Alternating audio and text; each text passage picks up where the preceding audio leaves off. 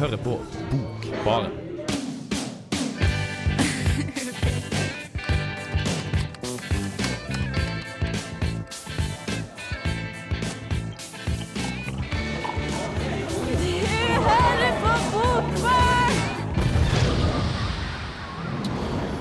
Velkommen til Bokbaren, programmet som forteller deg om det siste, det verste og det beste på litteraturfronten her på Radio Revolt.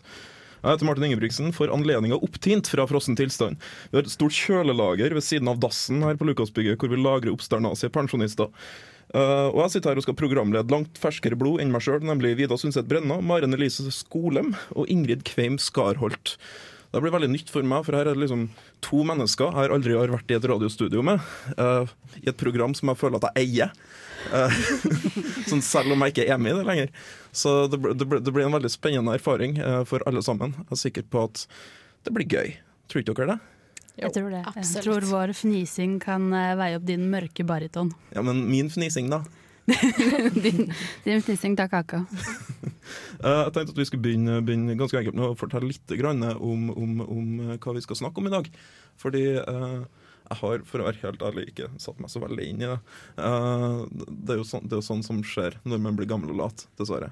Uh, Vidar, kanskje du har lyst til å si litt om, om, en svart liten bok som ligger foran deg? Yes, Jeg har med en uh, diktsamling i dag. Eller en diktbok uh, som er skrevet av Morten Langeland, debutant. den heter Æ, æ, å. Æ, æ, å. Ja, sliter litt med vokaler etter hverandre, jeg. så jeg har kalt den mye rart. Men ja, det handler om en makrell. mer får dere høre siden. Ja, litt gøyalt at den heter det samme, nesten det samme i hvert fall som Æ å, litteraturfestivalen i Trondheim. Uh, som skal gå, på, gå, av stabelen mellom 2. og 5. til mai, mai, neste år. Og som jeg er med og arrangere. Også. Ja, det er veldig morsomt. Nå skulle jeg si noe skikkelig ironisk, men jeg lar være. Resten, hvem har lyst til å snakke først? Jeg. Ja, ja. uh, jeg har ikke akkurat med noen debutant. Jeg har med meg Shakespeare. Oi. Ja. Uh, jeg fortsetter mitt korstog med å prøve å pushe litt eldre og fin litteratur på folk. Eldre og fin litteratur, og det er Shakespeare? Det er absolutt Shakespeare. For Kan du forklare hvem William Shakespeare uh, var til meg? Altså, Jeg vet jo hvem det er, men hvis jeg hadde vært fem og I så fall så er det en veldig veldig kul mann som skriver veldig fine teaterstykker. Og noen ganger så blir det laget veldig koselige filmer om dem som du antageligvis har sett. Ja, det hørtes veldig fint ut. Uh, videre? Ja, jeg skal uh, lese Eller lese, jeg skal snakke om en uh, novellesamling, faktisk. Så det er av Line Berg som heter 'Skrottene'. Så da skal man se på skrotter på litt forskjellig plan. Det høres helt fortreffelig ut. Eh, Grunna masse, masse tull med dataskjermen foran meg, så har jeg ikke peiling på hva det er du skal få høre nå.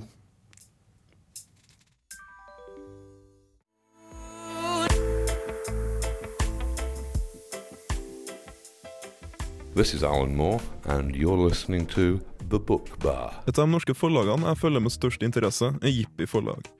Jeg synes de gjør et forbilledlig arbeid med å finne og foredle unge norske serieskapere, noe som har ført flere fra en sped begynnelse til et fruktbart forfatterskap. For eksempel, i 2009 beit jeg meg merke i ei tegneseriebok kalt Fugløya. Den var laga av Martin Ernstsen og viste stort potensial. Det dreide seg om noe så herlig som en tegneserietriller satt på en urnorsk fyrtårnsøy ute i havgapet. En setting som slo meg som kjent og original på samme tid. Avskåret fra sivilisasjonen, men med en trykkende agorafobisk miljøskildring. Den var reinskåren både i forhold til sjanger og teknisk utførelse. Ernstsen beherska helt tydelig en forbilledlig evne til å tenke som en tegneserie. Dessverre hadde han en litt irriterende og detaljfiksert nennsomhet i karakterene sine bevegelsesskildringer, noe som senka tempoet betraktelig i fortellinga, og gjorde den litt kjedelig til thriller å være. Men på tross av de her betenkelighetene venta jeg spent på neste forsøk, og da Codox Run kom to år etterpå, i 2011, hadde noe virkelig interessant skjedd i mellomtida. Det sjangerfaste forlot scenen til fordel for det lekent eksperimentelle i denne fortellinga som handla om brevefrosken Kodok, som skulle levere et brev til den mystiske grotta, men som først må klare en strabasiøs ferd fra den bunnløse sumpen til marmorfjellene. Vi følger frosken gjennom panoramiske landskap tusja utelukkende i rødt, grønt og hvitt. Ernstsen vier tid til detaljene, men streken og fargene gjør likevel helheten til en nesten skremmende surrealistisk visuell opplevelse. Hvis boka har en svakhet, ligger den i avslutninga, som en fiks idé, men som fremstår som et litt pålimt antiklimaks. Likevel føles en sånn innvending som litt irrelevant, siden boka sine premisser først og fremst går på det visuelle. Utover det avslørte Codox Run en interesse for det eksistensialistiske og det sykliske. Den er på mange måter et bilde av det evig gjentagende, noe som også tematiseres i den første av årets to Ernstsen-utgivelser, som nettopp heter Syklus. Det er snakk om et lite hefte, eh, et samarbeid med den svenske illustratøren Kilian Eng, som har tegna til Ernstsen sitt manus. Den starter med kometsmellet som utrydder dinosaurene, og leder rett inn i en kort fortelling som kryssklipper en ung mann sitt besøk på dinosaurmuseum med en ny komet på kollisjonskurs med jorda. Siden boka er ordløs, er det Kilian Eng sine illustrasjoner som spiller hovedrollen. Men underliggende det er det Ernsten sin planlegging og komposisjon som binder det hele effektivt og kraftfullt sammen. Det er en fantastisk narrativ lek med syklusen som form. Og så, for en kort stund siden, kom Ernsten sin andre utgivelse for året, nemlig den mer personlige barndomsskildringa Eremitt.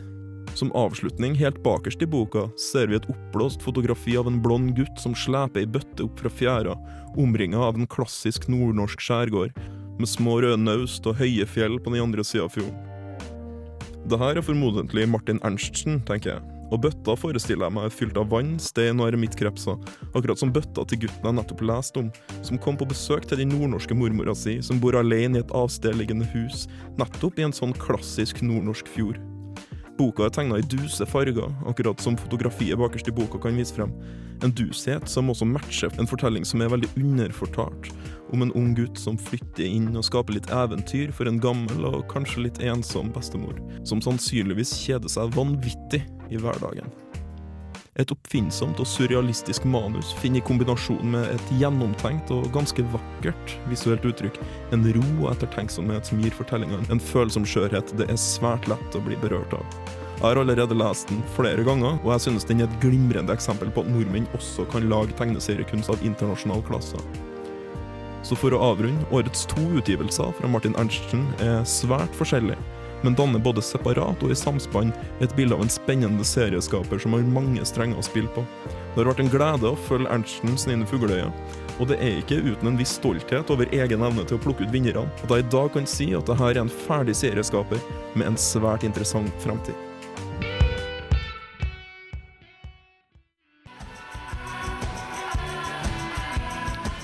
Det er Cat Power med Silent Machine du hører på Radio Revolt. Eh, ja, jeg heter Dag Solstad, og dere hører nå på Bokbaren, og der er altså jeg. Solstad, Solstad, Solstad. jeg syns han er så sjarmerende. Uh, nå skal vi snakke om noe helt annet i tegneserier. Vi skal nemlig snakke om uh, norsk samtidslyrikk. En, uh, en lyrikkdebutant som heter hva, Vida Sundset Brenne? Han heter Morten Langeland, og som jeg lovet i uh, åpningsstarten-stikket vårt, så skriver han om makreller. Jeg har en liten sånn fun fact om, om Morten Langeland. Uh, for Morten Langeland har en tvillingsøster. Og tvillingsøstera til Morten Langeland eh, bodde på, på, liksom på stua til Mathias Samuelsen i et halvår mens hun bodde her og studerte i Trondheim. Mathias Samuelsen har jo vært med i Bokbarn. Ja. Så det er masse sånn kontakter. Sånn Jeg bare merker at når du sa det, så bare falt alt jeg skulle si om Morten Langeland ut, og så så jeg for meg søsteren hans på gulvet til Mathias Samuelsen. Mm, ja, takk for det. Vær så god, bare hyggelig. Det var en Eh, bra fun fact. Så det er helt feil tidspunkt å spørre deg om, om, om noe som helst med, som har med Morten Langeland å gjøre, da, med andre ord. Ja, men jeg får bare prøve. OK, kjør på. ja. Nei, det er jo det som jeg sa, så skriver han om makreller, og da egentlig spesifikt makrell En mak én makrell, faktisk, som En makrell. er i en stim. Ja. Og som sliter med dette å være i en stim. Altså en stim er jo da Jeg regner med at det er flere fisker sammen, sant? Mm. Uh, og mye av denne diktboken, for det er dikt, uh, sirkler rundt det at den makrellen vil inn i stimen, ut av stimen. Ja. Eh, altså bare, bare for å spørre. Er det her et bilde av den menneskelige tilstand? Det er akkurat det man kan lure på. Fordi det jeg liker med den boken, er at den sånn går bort fra sånn, eh, det kanskje kritikere av den typiske lyrikken eh, kan komme til å si. Det er litt sånn egoistisk dikt-jeg som har mye smerte. Som, altså det er mye jeg i dikt, ikke sant. Jeg føler det jeg sant? En slags sånn tverrvending av, det, av den si, si, altså, si debutantklisjeen eh, med at det bare handler om en ung mann og hans eh, smerte. Ja. Apropos Mathias Samuelsen, skal jeg til å si. Det vil ikke jeg si noe om. Men eh, nei, det er akkurat det det ikke er. For her er det ja, det er et uh, dikt-jeg, det er en, et jeg uh, i den makrellen som snakker, men likevel så er det som er hans problemstilling, er hvordan han skal være i et fellesskap. Mm. Og det syns jeg på en måte Det snakker med så mye teori som er aktuelt, altså noe som også er aktuelt i alles hverdag. Ja. For du, du har også en annen bok liggende foran deg. Det er en hvit bok, og det er en teoribok. Tar jeg helt feil der? Nei, du har helt rett. For det er faktisk en dame som heter Anne Marie Maas, som driver med medisinsk sosialantropologi. Oi! Ja, sant! Og det blir fjernt. Men den snakker om mye av det samme som Morten Langland snakker om i ææ Okay. som er noe med det at uh, alt blir til i de praksisene man inngår i. ikke sant? Mm. At denne makrellen han er i en slags sånn, en helhet, en praksis som han svømmer i en stim hele tiden. Og Anne Marie Moll, i den boken som jeg har med meg i dag, som heter The Body Multiple, Mm. den handler om noe så utrolig spesifikt som arteriosklerose, altså åreforkalkning, oh, ja. i bena. Og hvordan det på en måte manifesterer seg i sykehus, og så på en måte forskjellige situasjoner i sykehus. Oh, ja. Er det sånn som du får hvis du ikke beveger beina dine, på en måte? Ja, eller hvis du spiser veldig mye McDonald's-mat, for eksempel. Så, Eh, ja, eller hvis det er genetisk betinget også. Men jeg syns det er så fint at du kan ha en diktbok av en norsk debutant som heter Morten Langland, som kan snakke med en nederlandsk teoretiker som på en måte skriver om arteriosklerose. Yes. Ja, nei, men det er jo, du har jo et, jeg syns du har et veldig spennende poeng i det. Altså. Eh, er det noe mer vi trenger å vite før vi hører på, hører på denne saken, denne anmeldelsen vel, av, av AAO? Nei, vi skal jo dykke ned i havet, da. Og det må jeg også si før vi hører den, at det er jo et utrolig takknemlig landskap å være i for Morten Sånn- Langland. ja. Men også kanskje sånn radio, radiofaglig sånn i forhold til bakgrunnslyd og sånn. Eh, ja, for min del veldig deilig. Det, det, vi, vi, vi, vi gleder oss til en reise under havet. Uh, men først så skal du få lov til å høre Alba Lua, uh, 'When I'm Roaming Free'.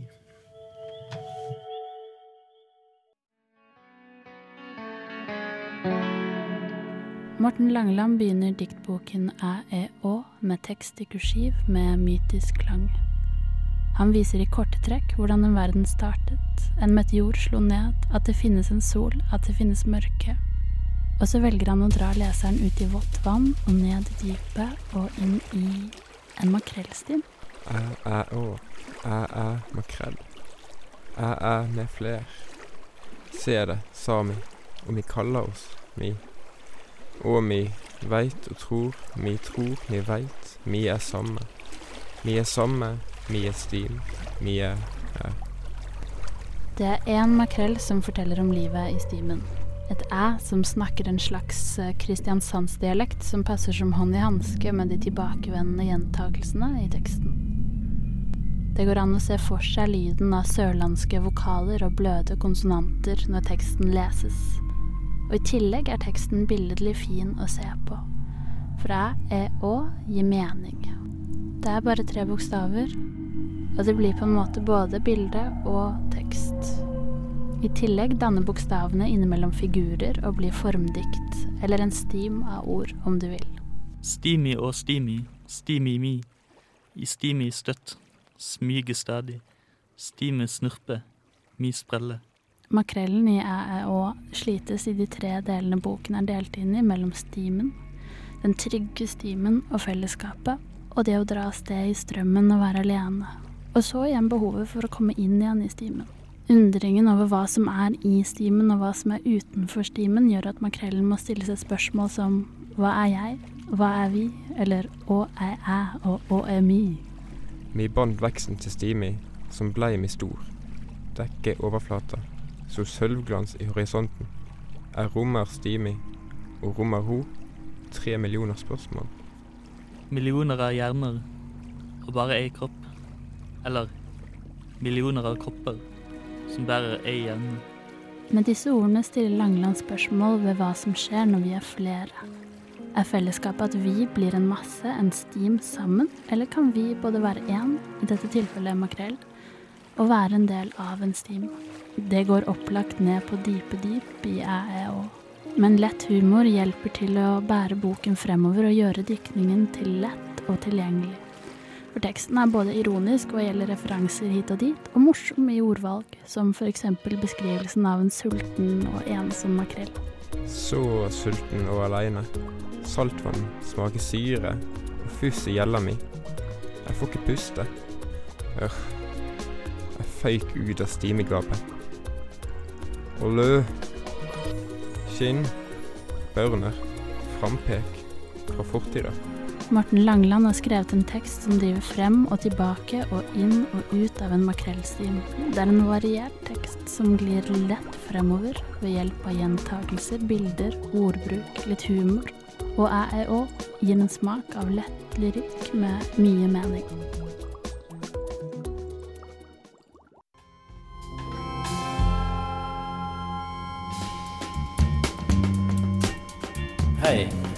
Jeg heter Arild Wange og hører på Bokbaren hver tirsdag for å holde meg oppdatert på hva som skjer i litteraturen her til lands og ellers i verden.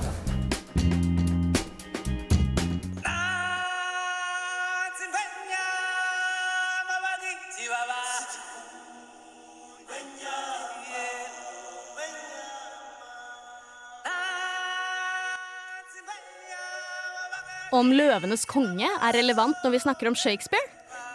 Ja. Og det kommer jeg tilbake til litt senere. Sliter du med en ubelest døgenikt av en kjæreste?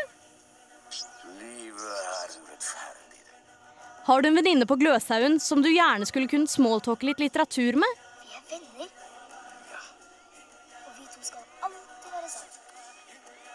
Kanskje har du en bror eller en søster som du gjerne skulle kunne diskutere noe annet sammen med enn bare hva dere skal kjøpe til pappa til jul? Jeg er øh, familie. Å lese Shakespeare eller ikke å lese Shakespeare er dessverre forsvinnende sjelden spørsmålet. Ofte er man nødt til å gi folk et lite dytt. Eller regelrett tvinge dem. Jeg er personlig mer tilhenger av å godsnakke folk til fornuft. Dette er en liten guide til hvordan overtale et uinteressert menneske til å lese Shakespeare. Det er en problemfri filosofi. Hakuna matata. Før du starter, er det viktig at du har klart for deg hvorfor du egentlig vil at ditt heldige offer skal lese Shakespeare. Er det fordi du forguder språket? Fordi du er lei av at dere alltid snakker om været? Kanskje handler det om at kameraten din aldri tar noen av de 10 000 Shakespeare-referansene som er i all populærkulturen som omgir dere? Kanskje er lillesøsteren din en kranglefant, og du skulle ønske at hun i det minste kunne dra noen litt morsommere fornærmelser? Er det det at hvis vennene dine virker smarte, så setter det deg også i et penere lys? Eller er det rett og slett bare det at du unner dem å lese gode historier? Uansett hva det er, ha det i bakhodet som motivasjonsfaktor når du gjør deg klar til dyst. Ambisjoner til.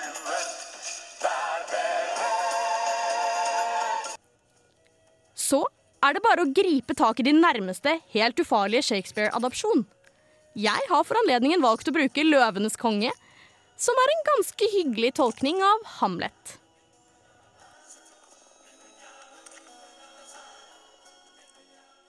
Ingenting er så lite avskrekkende som Mofasas varme stemme. Alt du ser lever sammen i hårfin balanse. Som konge trenger du å forstå den balansen og respektere alle skapninger fra krypende maur til hoppende antilope. Men far, vi spiser antiloper. Ja, Simba, men la meg forklare. Når vi dør, blir kroppene våre til gress, og antilopene spiser gress. Hamlet sier mer eller mindre det samme selv, bare på en litt dystrere måte. Vi feter alle andre skapninger for å meske oss selv, og vi mesker oss selv for ormene. En mann kan fiske med en orm som er spist av en konge, og spise av den fisk som har mesket seg med ormen. Slik kan en konge komme til å gjøre sin kongeferd gjennom tarmene på en tigger. Fortell hvordan supersøte Simba egentlig er en trist liten hipster med beslutningsvegring. At Mufasa er et hevngjerrig gjenferd, og at Sasu er minst like kul som i originalen. Len deg tilbake og nyt resultatet. Så snart din utkårede har vent seg til tanken på en sirkel av død istedenfor Disneys varme sirkel av liv, bør nysgjerrigheten ta overhånd. Og med et lite dryss av dine andre argumenter har du snart en nyfrelst Shakespeare-leser. Og funker ikke 'Løvenes konge', kan du alltids benytte deg av en av de andre kjente, hyggelige og lite fancy adopsjonene. Som eksempel 'Ti ting jeg hater ved deg', 'She's the Man' eller 'Løvenes konge 2', som er basert på Romeo og Julie. Der skjedde det igjen! Det er litt sånn, eh, det er litt sånn rart i dag, rett og slett. Jeg tror vi har, jeg tror vi har, eh, jeg tror vi har en, en, en, en død konge som spøker i radiostudio. Eller noe sånt. Sånn som i Hamlet, ikke sant? Spørsmålet er hvem vi må drepe for å fikse det. ja, det var det, da. Det er alltid teknikeren, er det ikke det? Ja, vi, får, vi, får, vi får ta knekken på den etter sendinga, men vi trenger den, i, vi trenger den i, i, i hvert fall i, i 20 minutter til. Eh, men eh, Hamlet, Shakespeare, eh, hva mer eh, kan man si enn at det her er noe som alle som har lyst til å lese bøker, burde lese? Eh, Altså, det er jo det da eh, det er godt oppsummert. Det er det som er budskapet. Um, vel, jeg tvang en som eh, slett ikke er interessert i Shakespeare, til å lese i helgen for å teste ut denne Ja. teorien. Og han endte opp med å lese på en måte halve greia høyt for meg, enda jeg hadde lest den dagen for, i forveien. uh, så den har en veldig høy sitatfaktor, som er uh, ganske grei. Men er en grunn til at, til at Shakespeare har overlevd i 600 år, på en måte. Ja, jeg tror nok uh, at det ikke bare er at på en måte, det lå mange eksemplarer rundt. De flyter fremdeles. det er absolutt eh, verdt å lese det. Hva med ditt første møte med Shakespeare, kan du huske det? Oi. Um, Hvor gammel var du, liksom? jeg vil vel tro at jeg var ganske liten i og med at jeg så 'Løvenes konge' da jeg Jo, var eh, ja, ja. Men uh, Shakespeare som Shakespeare Mm. uh, må vel ha vært at jeg så en 'Midtsommernattsdrøm' da jeg gikk på barneskolen. Ok. Eh, og ellers har egentlig Shakespeare fulgt meg hele livet. Nå har jeg gått på dramalinja, så det var på en måte litt Ja, vanskelig å unngå. unngå. Ja, Eh, ja. men uh, det har vært ganske mye Shakespeare. Riktignok mer komedier med tiden og mer tragedier i begynnelsen. Mm. Av en eller annen grunn. Vet ikke hvorfor man starter på det triste. Nei, det, det, kanskje fordi det er det som, er, det, det, som folk starter med når det er Shakespeare. Jeg vet ikke. Ja, Eh, og det er jo litt synd, fordi han har veldig bra komedier òg. Ja, ikke sant? Men, men altså, når vi er på komedie, uh, Shakespeare, 'Taming of the Shrew', 'Much Ado About Nothing' og alt de her rare greiene her, mm -hmm. uh, som man hele tida får liksom lyst til å, å eh, plukke sammen og fillerist, kanskje spesielt 'Taming of the Shrew', og som har fått veldig hard medfart etter at eh, feminismen eh, kom inn i bildet. Uh, med rette, må man vel kanskje Ja, si. det Men det, er jo snak, men det er jo snakk om et kvinnebilde som her er 600 år gammelt, og som på tross av det har ganske mange gode vitser i seg. Ja. Så vil du, men altså, hvis noen skal gå til morsom Shakespeare, hvor skal man gå hen da? Hva er det hva man skal sjekke ut? Jeg syns jo 'Much Ado About Nothing' er kanskje det morsomste. Mm. Men det som er med Shakespeare, er at han klarer jo aldri å dy seg. Altså, eller Hamlet er jo kjempemorsom, den òg, bare frem til ting skjærer seg, på en måte. uh, så det er alltid uh, mye gøy. As You Like It er også Har ganske mange morsomme replikker. Mm. Så det Og når, når vi har vært på Much Shadow About Nothing og As You Like It, og da snakker vi jo faktisk om to Kenneth Branagh-filmatiseringer. Ja. Eh, Fin type, det der. Ja, Vida, du sa jo nettopp at du er forelska i Kenneth Branagh. Ja. Hvorfor det? Jeg sa ikke det på lufta. Nei, det var derfor jeg tenkte jeg skulle gjenta det for, eh, for lytterne.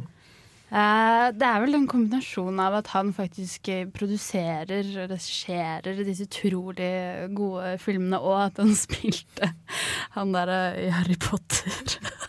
Han derre- Gildrock Gilroy, eller ja, noe. Ja. Som alle blir så utrolig forelsket i. Uh, nei da, men at han er en skuespiller som, uh, som har gjort sitt. Altså, og så blir jeg litt fascinert hver gang noen eh, klarer å både stå på en scene og tenke noe bak scenen også. Jeg vet ikke, Maren, det er jo du som er skuespiller. Ja, nei, jeg oss, følte meg ikke støtt av det i det hele tatt. At eh, skuespillere bare er uh, Nei, altså, flåsete. jeg sier det ikke til deg, for du er jo tydeligvis bokbarns uh, Kenneth Branagh. Det er ikke det. Eh, nei, for også, det er jo noe med, med, med, med Hamlet som altså, bare, uh, Jeg sa også i, i pausen Jeg er veldig glad, blir veldig gira når man vil snakke om Hamlet, så jeg har lyst til å fortelle litt. Uh, men jeg så akkurat uh, om igjen, eh, for første gang på mange år, Laurence Olivier eh, sin filmatisering fra 1958 av Hamlet. Eh, og, og den har en sånn greie i seg eh, som jeg syns er veldig modernistisk. En veldig modernistisk tolkning av Hamlet. Fordi det som, det som tematiseres i den tolkninga, det er repetisjon Ikke sant? Det alt sammen skjer på en måte om igjen om igjen. også han fokuserer veldig på de replikkene hvor det, hvor det er repetisjon i Hamlet, og det er det faktisk en del. Mm. Og han gjør alle sammen til litt sånn duse spøkelser som kommer ut av veggene. og Det er en sånn ganske spøkelsesaktig stemning i Laurence Olivier eh, sin filmatisering. Og, og det tolker jeg dit hen eh, som en veldig god observasjon, og en veldig skuespiller sin observasjon, nemlig at Hamlet har uh, den, den, den ironi i det at Hamlet som karakter bare ønsker å forsvinne, men som like frem, likevel er nødt til å gå igjennom det her skjebnedramaet sitt om og om igjen i over 600 år. Uh, altså I forhold til den filmatiseringen til og med etter at skuespilleren som spilte den, er død. Og det er sånn veldig, det er en ganske tragisk tanke i det. da. Men eh, altså, hvis man skal slenge ut et spørsmål i forhold til det, hva er det uh, med Hamlet uh, sin skjebnekamp som gjør at vi må tilbake til den om igjen og om igjen? om igjen? Jeg tror det er et umulig spørsmål å besvare, men kanskje vi kan forsøke? Jeg vet ikke. Maren, har du noe i det? Eh, nå følte jeg meg plutselig på eksamen igjen. Eh, jeg vet ikke Jeg ber ikke om et fasitsvar. Nei, Eh, takk.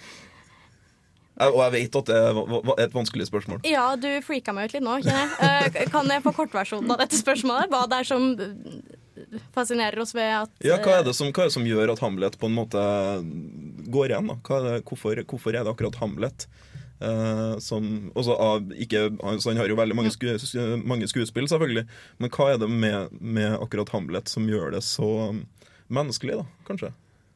Vel, det er jo denne tvilen som de alltid driver og holder frem. Når man snakker om eh, Hamlet, så er det mye om at han tviler, og at han aldri klarer å ta ordentlig eh, beslutninger og setter planene sine ut i livet. Og, eh, og det er jo ganske menneskelig at vi hele tiden holder oss selv tilbake, og vi klarer jo ikke helt å Altså, til og med når han Nå blir det riktignok bestemt for ham at han skal reise til England for å Mm. begynne et nytt liv der.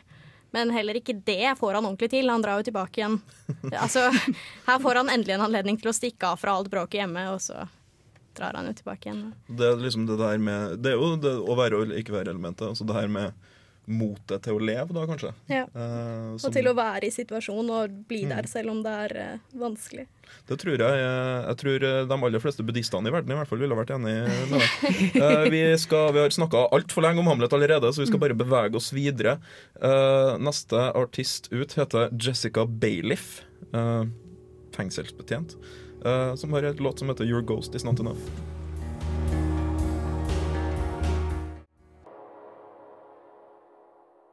Ja, eh, vi har eh, etter hvert eh, blitt nødt til å, til, til å runde av.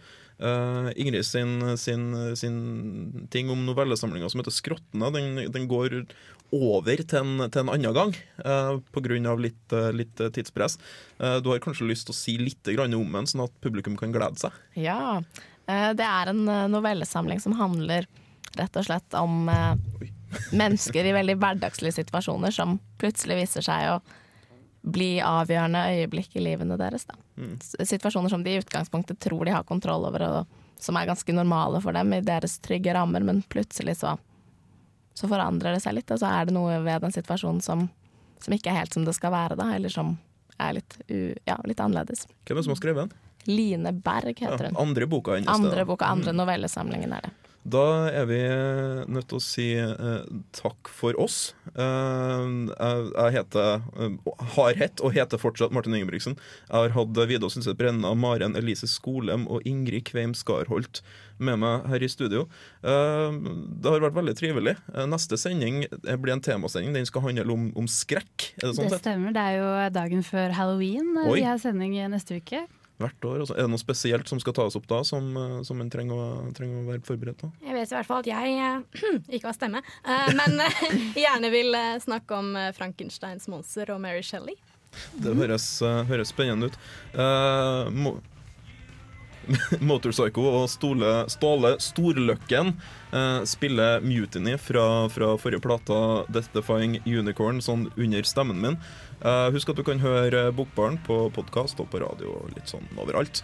Eh, du kan gå inn på radiorevolt.no og høre på Bokbaren på radioarkivet. Eh, det finnes liksom ingen grenser. Eh, her er da Motorpsycho Ståle.